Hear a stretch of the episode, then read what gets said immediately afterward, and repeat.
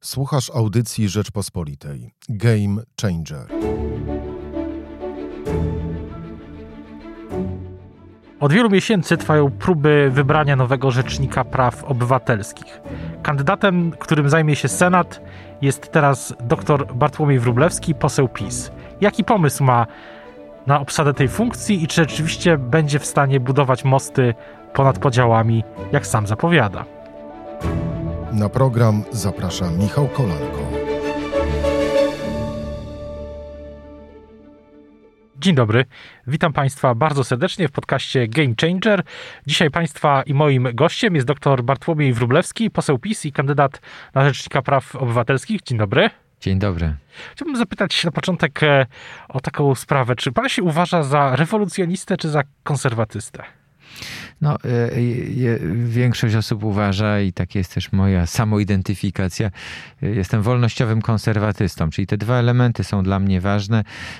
Przywiązanie do pewnej tradycji z jednej strony, a z drugiej strony takie myślenie wolnościowe w kategoriach praw i wolności jednostki.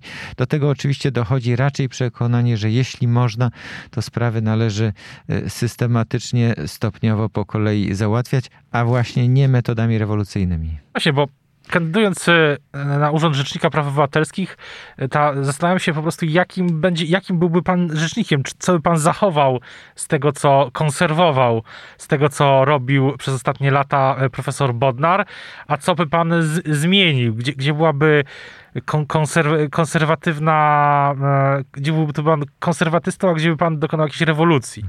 Znaczy myślę, że nie dokonywałbym do rewolucji, chociaż dokonywałbym pewnych y, zmian. Ale zacznę od tego, że uważam, że zawsze trzeba zachować wszystko to to, co dobre, co zrobili poprzednicy. I każdy rzecznik praw obywatelskich miał swoje jakieś istotne osiągnięcia, czy to jako rzecznik, czy w ogóle w działalności e, publicznej. E, nie wiem, zaczynając od Ewy Łętowskiej, to znam ją e, z jej prac dotyczących odpowiedzialności odszkodowawczej państwa jeszcze z czasów PRL-u.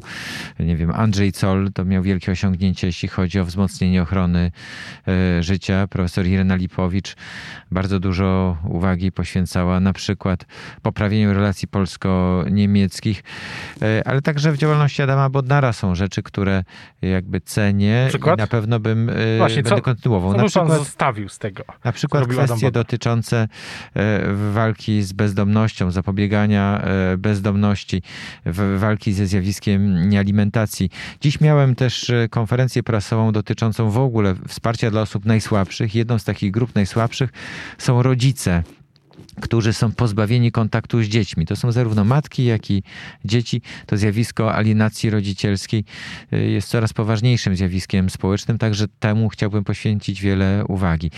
Innymi słowy, w, z, z, tego dorobku dotychczasowego Rzeczników Praw Obywatelskich chciałbym wiele e, zachować, choć oczywiście będą także e, zmiany. Mówię po pierwsze o tym, że chciałbym, e, żeby w zrównoważony, w, w zrównoważony sposób podchodzić do czterech grup praw. Z jednej strony osób najsłabszych, chorych, niepełnosprawnych, borykających się z trudnościami mieszkaniowymi, czy osób, których prawa pracownicze są naruszane w przypadku mobbingu, niewypłacania wynagrodzeń. To jest pierwsza grupa. Druga grupa to jest myślę dosyć nową, jeśli chodzi o takie mocne stawienie, to są wolności i prawa rolników i mieszkańców terenów wiejskich. Nie chodzi o to, że Wcześniej te prawa nie były e, w ogóle zauważane, ale dla mnie to jest jeden z dwóch takich najważniejszych obszarów. Trzeci obszar to obrona tradycyjnych wolności praw, e, rodziny, rodziców do wychowania dzieci zgodnie z własnymi przekonaniami i wolności religijnej. Czwarty to klasyczne wolności liberalne z wolnością słowa, z własnością, wolnością tych, działalności gospodarczej. Tych wolności jeszcze przejdziemy, ale konkretnie, na przykład e, najwięcej komentarzy wydaje się w ostatnich tygodniach i miesiącach wokół działalności Rzecznika Praw Obywatelskich była decyzja profesora Bodnara w sprawie Polska, w sprawie tego decyzji sądu w sprawie Polska Presę. Decyzja dotycząca właśnie wolności, wolności słowa. Pan ją podtrzyma? E, e, to dobre pytanie, ale o tym także bardzo mocno mówię. Rzecznik Praw Obywatelskich powinien działać poza polityką i nie mieszać się w kwestie ideologiczne. E, to znaczy nie stoi ani po stronie rządu, ani po stronie opozycji. Jest wiele problemów, dyskusji politycznych na temat różnych kwestii i one są istotne i to dobrze, że politycy w parlamencie o nich dyskutują, że dyskutuje o nich opinia publiczna. Natomiast Rzecznik Praw Obywatelskich ma się zajmować tym, czego wymaga artykuł 200 208 Konstytucji. Stania na straży wolności i praw człowieka i obywatela zagwarantowanych w Konstytucji i ustawach. I tą, Polska- sprawę, ale- I tą sprawę trzeba traktować ściśle, bo jeśli rzecznik staje się ambasadorem jednej strony politycznego sporu, w ważnych nawet sprawach, gdzieś dotykających e, kwestii w ogóle wolności, ale ściśle nie dotyczących wolności i praw człowieka i obywatela, no to wtedy zaciera się ta granica między prawem a polityką. Uważam, że ona nie powinna się zacierać. Tak w przypadku sądów nie powinna się zacierać, tak w przypadku y, NIK-u czy Rzecznika Praw Obywatelskich. Czyli, czyli profesor Bodnar przekroczył granicę między prawem a, a polityką, tą Y, decyzją? Unikam w czasie tej kampanii krytykowania poprzedników. Byłoby to nieeleganckie. Raczej chcę powiedzieć, co ja bym chciał zrobić. Powiedziałem panu o tych czterech obszarach i powiedziałem, że chciałbym, żeby w równomierny sposób rzecznik podchodził do tych czterech różnych wrażliwości, e, czterech różnych obszarów spraw, które odpowiadają też wrażliwościom politycznym w parlamencie. No bo przecież sprawy osób najsłabszych to odpowiedzialność lewicy, chociaż także wrażliwej konserwatywnej prawicy. Sprawy e, osób e, mieszkających na terenach wiejskich, no to jakaś szczególna odpowiedzialność ludowców. E, e, tradycyjne wolności prawa, no to wiadomo, domena prawicy, ale e, klasyczne wolności liberalne z kolei to jest taka szczególna odpowiedzialność liberałów. Pokazuję te cztery obszary, żeby pokazać, że będę zajmował się wszystkimi wolnościami i prawami każdej grupy społecznej, nie lekceważąc ich. Ale jeśli chcemy robić to skutecznie, to musimy oddzielić to, co wynika z przepisów i dotyczy wolności praw, od wielu innych ważnych spraw, które jednak nie są w, w zakresie kompetencji Rzecznika Praw Obywatelskich. a, to, y, co robi profesor Bodnar, jeśli chodzi o kwestię policji. Na przykład jak, policja traktuje protestujących, zwłaszcza protestujące kobiety w ostatnich y, tygodniach, może bardziej miesiącach. To, to jest na przykład to, co by pan by podtrzymywał, czy pan Na pewno rzecznik musi bardzo pilnować wszystkich instytucji, które stosują, mają prawo stosowania przymusu bezpośredniego, policji, kwestie więziennictwa, na przykład zakładów zamkniętych, wychowawczych.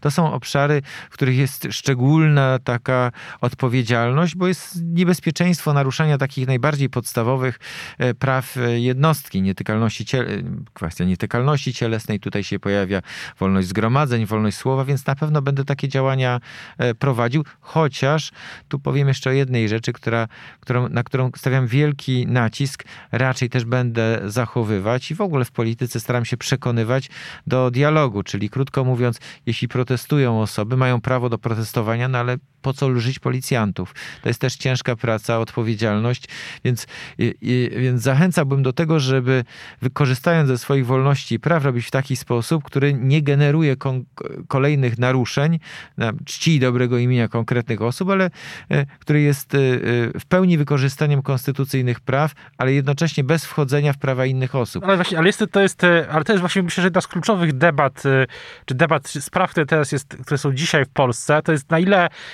większa jest odpowiedzialność e, e, władzy, e, albo inaczej, że jest ta dyskusja między tym, co robi, e, mówi pan policji, tak, że e, jest prawo do protestu zagwarantowane w konstytucji. Mówi pan, ale nie można lżyć policjantów, no ale z drugiej strony to chyba jest wa- ważniejsze chyba jednak jest to, że obywatele mają prawo do e, wyrażania swoich opinii, poglądów. Znaczy, to jest oczywiście ważne i dlatego powiedziałem, że to, że to jest jakby no, sprawa podstawowa. Mówię o klasycznych wolnościach liberalnych, do których jestem mocno przywiązany. Od wolności słowa przez wolność, wolności akademickie na przykład, e, aż do tych politycznych zgromadzeń, zrzeszania się, ale też e, e, musimy sobie zdawać sprawę, że określony sposób korzystania z naszych wolności e, i praw może prowadzić do naruszeń innych praw. Na przykład właściciel kamienicy e, może egzekwować swoje prawo własności, ale jest granica, żeby nie stał się czyścicielem. E, No bo wtedy, nawet jeśli wykorzystuje swoje prawo własności, nawet jeśli formalnie czasami nawet działa zgodnie z prawem, no przekracza granicę i zaczyna się, e, zaczyna się z, mm, i korzystanie z własnego e, prawa staje się powodem naruszeń praw innych. E, To w ogóle dotyczy, ale tutaj do- do- dotykamy też kwestii, którą ja uważam jest niezwykle istotna. Żadna reforma wymiaru sprawiedliwości, żadne najlepsze nawet y, projekty ustaw mogą nie zmienić stanu dotyczącego wymiaru sprawiedliwości, a w ogóle takiej sytuacji społecznej w Polsce, jeśli nie zrozumiemy, że nie da się wszystkiego załatwić poprzez sądy, poprzez spory, że trzeba szukać y, y, takich sposobów, alternatywnych sposobów rozwiązywania różnych konfliktów. I to mówię o życiu osobistym i publicznym, czyli mediacja, ugoda, arbitraż, sędziowie pokoju, który, o których tyle tak długo mówi Paweł Kukis, to wszystko są sposoby, żeby troszkę rozładowywać napięcia. E, I myślę, że musimy o tym e, myśleć i przekonywać. Tak i, I, chciałbym jako rzecznik ten sposób y, działania też promować w różnych obszarach, bo mamy już dobre przepisy. Sam zresztą pracowałem nad częścią z nich, jeśli chodzi o y, prawa administracyjne, na przykład właśnie dotyczące mediacji, tylko musimy nas wszystkich zachęcić do tego, żebyśmy z tego w większym stopniu korzystali, tak żeby sądy bardziej korzystały. Ale wracając jeszcze jednak do tej y, policji, bo to jest myślę jedna z tak mówię, waż, ważnych debat teraz, spraw, ale uważa pan ogólnie patrząc na sferę wolności zgromadzeń i wolności, prawo do wyrażania własnych poglądów, też protestu, że czy nie ma pani tak wrażenia, że ona w ostatnich e, miesiącach, e, latach jest e, coraz to bardziej naruszana, jest takie angielskie słowo encroachment. Ja mam takie, czy nie ma pan wrażenia, że tej wolności jednak jest coraz, coraz mniej? Zawsze tam, gdzie będzie dochodziło do naruszeń klasycznych wolności liberalnych, w szczególności prawa zgromadzeń, będę bardzo mocno się przyglądał, będę interweniował, będę stawał po stronie korzystających, ale nie zmienia to faktu, że zachęcałbym do tego, żeby artykuł 47 Konstytucji chroni też e, cześć i dobre imię, żebyśmy przy tej okazji go nie naruszali. E, zachęcałbym do tego, żeby w czasie pandemii no jednak myśleć o społecznych konsekwencjach, chronić siebie, chronić innych, no, nosić maseczki, no ale zachować szczególną e, roztropność. W żaden sposób nie chcę, znaczy z jednej strony mówię panu, co jest ważne, a z drugiej strony nie chcę wchodzić, niezależnie czy rozmawiam z panem w Rzeczpospolitej, czy rozmawiam ze słuchaczami e, Radia Maria e, w Toruniu, czy, będę, czy rozmawiam z, e, ze słuchaczami faktu, nie chcę wchodzić w takie populistyczne odpowiedzi, które pewnej grupie odbiorców może się w danym momencie podobają, ale które nie oddają istoty rzeczy, omijają jakąś ją w, w istotny sposób. Wracając do tych e, praw człowieka, bo myślę, że to też jest e, ważne i nasi słuchacze chcieliby się e, dowiedzieć albo zastanawiają się, jak pan w ogóle je rozumie. Na przykład, na przykład jak pan rozumie w kontekście praw człowieka prawa kobiet? No, znaczy tych praw, to znaczy tak, oddzielamy prawa człowieka, czyli to, co należy nam się z racji tego, że jesteśmy ludźmi, od wielu innych e, praw konstytucyjnych i wreszcie od praw e, obywatelskich, które przysługują nam z racji tego, że jesteśmy obywatelami e, polskimi. Prawa kobiet, można powiedzieć, też są prawa mężczyzn, no są rzeczą właściwie oczywistą, no, no bo sytuacja, w której mamy, dochodzi do dyskryminacji płacowej. Kobiety zarabiają na tym samym stanowisku mniej niż mężczyźni. Kiedy dochodzi do dyskryminacji ze względów, ze względów e, na przykład e, na przepisy ubezpieczenia społecznego związanych z tym, że kobieta rodząc dziecko, wychowując je, no, mniej lat jest w stanie przepracować, albo, e, albo sytuacje, kiedy właśnie tego rodzaju okoliczności prowadzą do tego, że trudniej jest awansować, w jakimś czasie się zmieścić, żeby napisać doktorat, czy napisać habilitację. Wszystkie tego rodzaju sprawy są będą przedmiotem mojego mocnego zainteresowania, tak jak monitorowanie przepisów dotyczących e, przemocy e, domowej. Tam, gdzie pojawia się przemoc, musi być stanowcza reakcja państwa. E, cieszę się, że w ostatnim roku przyjęliśmy daleko idące, no, nawet na tle Europy, przepisy chroniące kobiety, ale będę te przepisy monitorował, czy są przestrzegane, a tam, gdzie być może pojawiają się jeszcze jakieś małe luki, to będę starał się inicjować, na przykład jeśli chodzi o przemoc ekonomiczną. Pytam o to, bo zmiany. niedawno w Rzeczpospolitej ukazał się tekst, e, budować, e, pana tekst taki programowy, zatytułowany Budować mosty porozumienia. Pisze pan o istnieniu jako miejscu, miejscu takiego e, dialogu. No ale właśnie pytanie, na ile uważa pan, że to jest, ten dialog jest możliwy na przykład z, z, z, w kontekście tego, co dzieje się, wydarzyło się przez ostatni rok. Tego, że bardzo dużo, bardzo wiele kobiet w Polsce teraz, teraz mówi, e, gdyby mówi, że ich prawa są, zostały ograniczone wyrokiem Trybunału Konstytucyjnego. Czy to jest w ogóle możliwe, żeby e, budować te mosty porozumienia właśnie w tym kontekście? Znaczy, na, musimy budować mosty porozumienia we wszystkich możliwych kontekstach w Polsce, bo większość Pytam z nas... Czy pan, pan uważa, że jest pan do tego zdolny, jako właśnie współautor, e, jeden ze współautorów tego wniosku do Trybunału, o którym mowa? No tak, tylko że wniosek, do, tylko, że wniosek do Trybunału dotyczył praw, e, podstawowego prawa człowieka, prawa do życia, jego godności. E, I on nie był umotywowany politycznie. I to musimy przyjąć, że pewne, że jeśli akceptując koncepcję praw człowieka, to, że każdemu z nas coś się należy z racji tego, że jest człowiekiem, musimy zaakceptować, że związane są pewne ograniczenia dla nas. Więc ja uważam, że z jednej strony trzeba chronić życie, a z drugiej strony pomagać osobom chorym, niepełnosprawnym, kobietom w trudnych ciążach. A wracając do ogólniejszego tego pytania, no musimy budować mosty, no bo wszyscy czujemy taką nieznośność e, tej sytuacji politycznej, która trwa wie, od wielu lat. Niektórzy twier twierdzą, że od katastrofy smoleńskiej, inni jeszcze uważają, że od 2015 roku, czyli że to już jest 16 lat.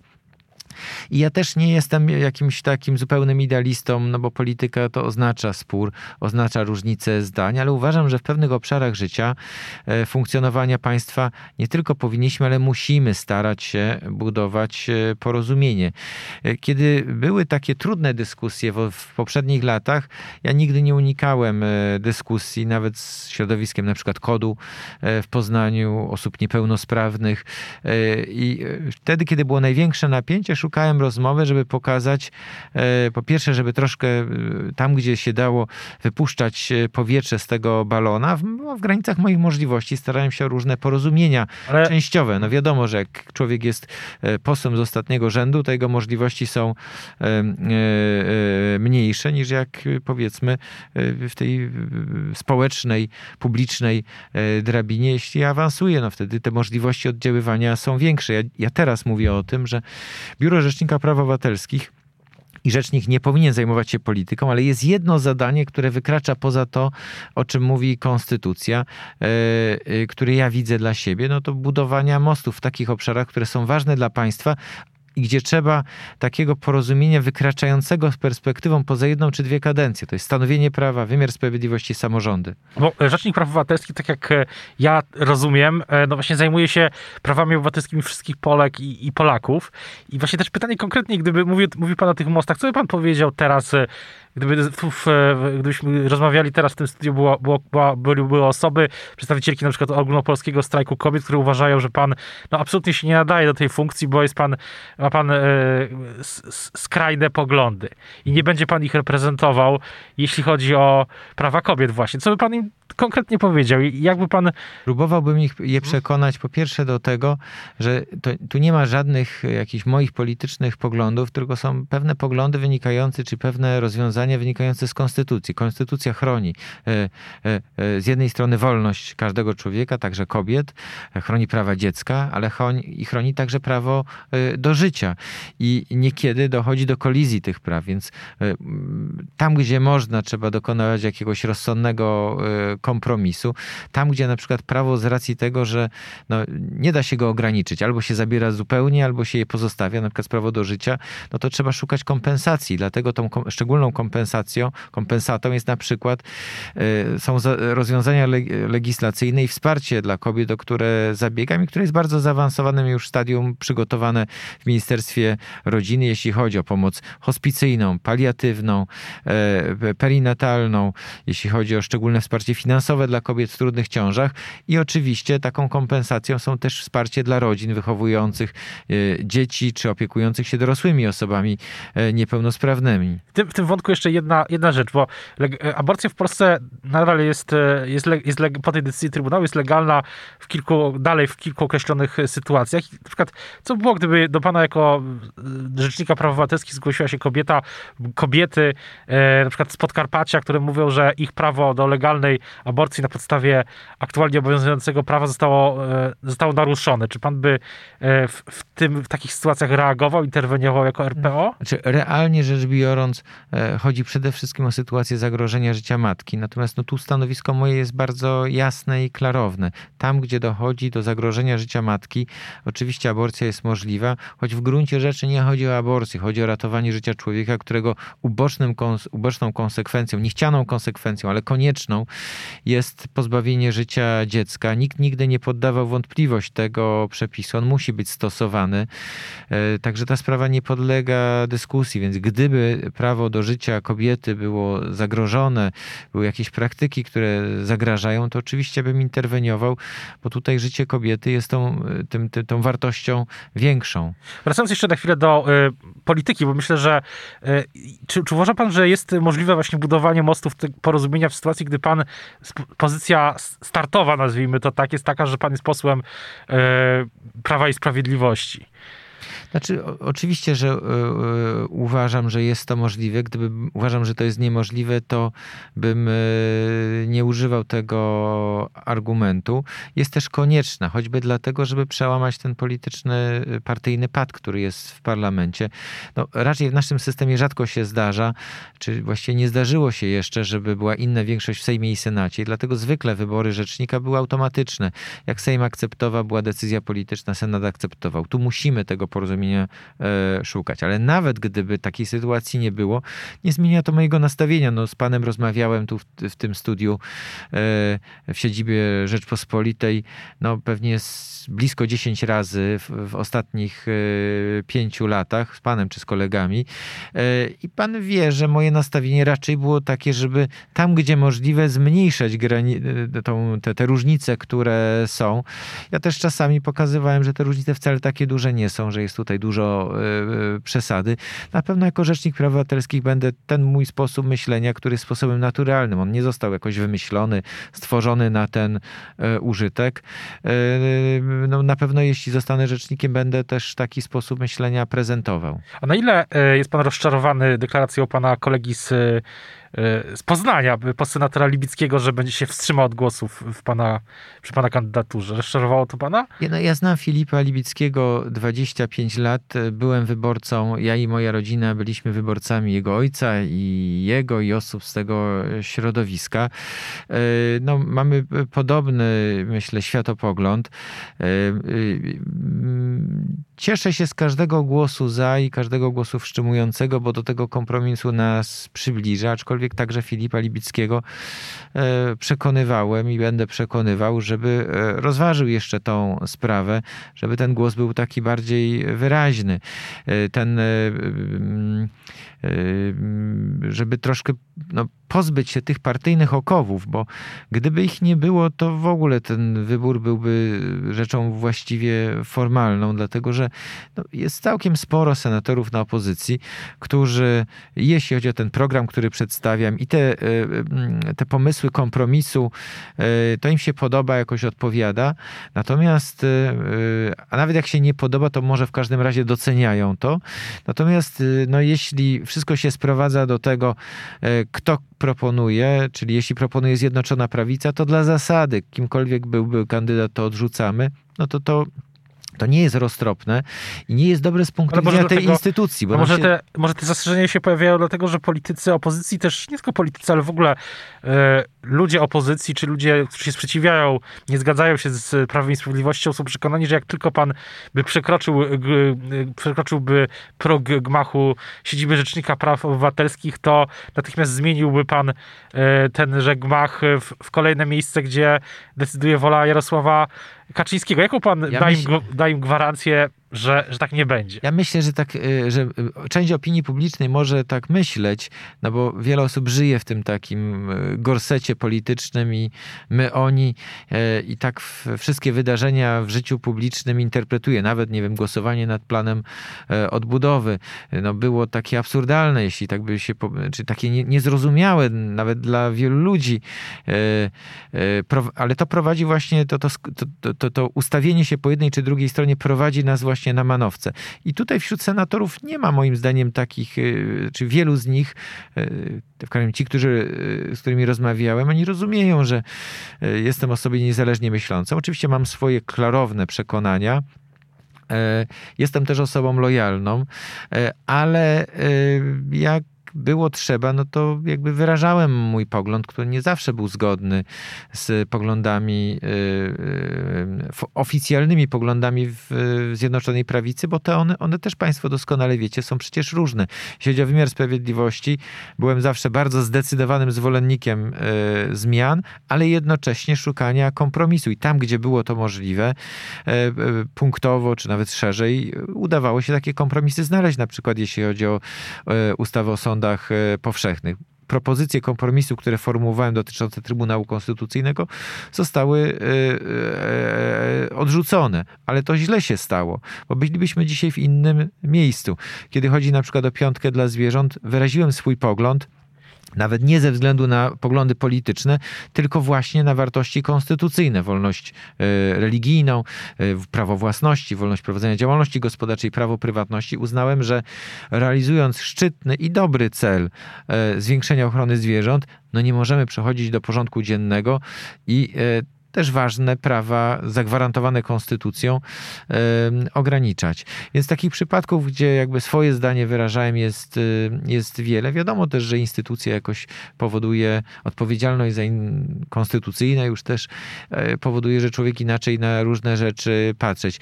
Jeśli zostanę rzecznikiem, chciałbym, żeby e, po pięciu latach sprawowania tej funkcji e, zarówno wszystkie osoby, które rekomendowały, jak i te osoby, które które były sceptyczne, e, mogły powiedzieć, było warto. O tym, o decyzji Senatu na pewno będziemy jeszcze wielokrotnie do tej decyzji e, o niej mówić, sprawdzać, jakie jest e, poparcie wśród senatorów. Teraz bardzo już dziękuję za rozmowę. Państwa i moim gościem w podcaście Game Changer był dr Bartłomiej Wróblewski, poseł Prawa i Sprawiedliwości i kandydat na Rzecznika Praw Obywatelskich. Dziękuję bardzo. Bardzo dziękuję. Słuchaj więcej na stronie podcasty.rp.pl. Szukaj Rzeczpospolita Audycje w serwisach streamingowych.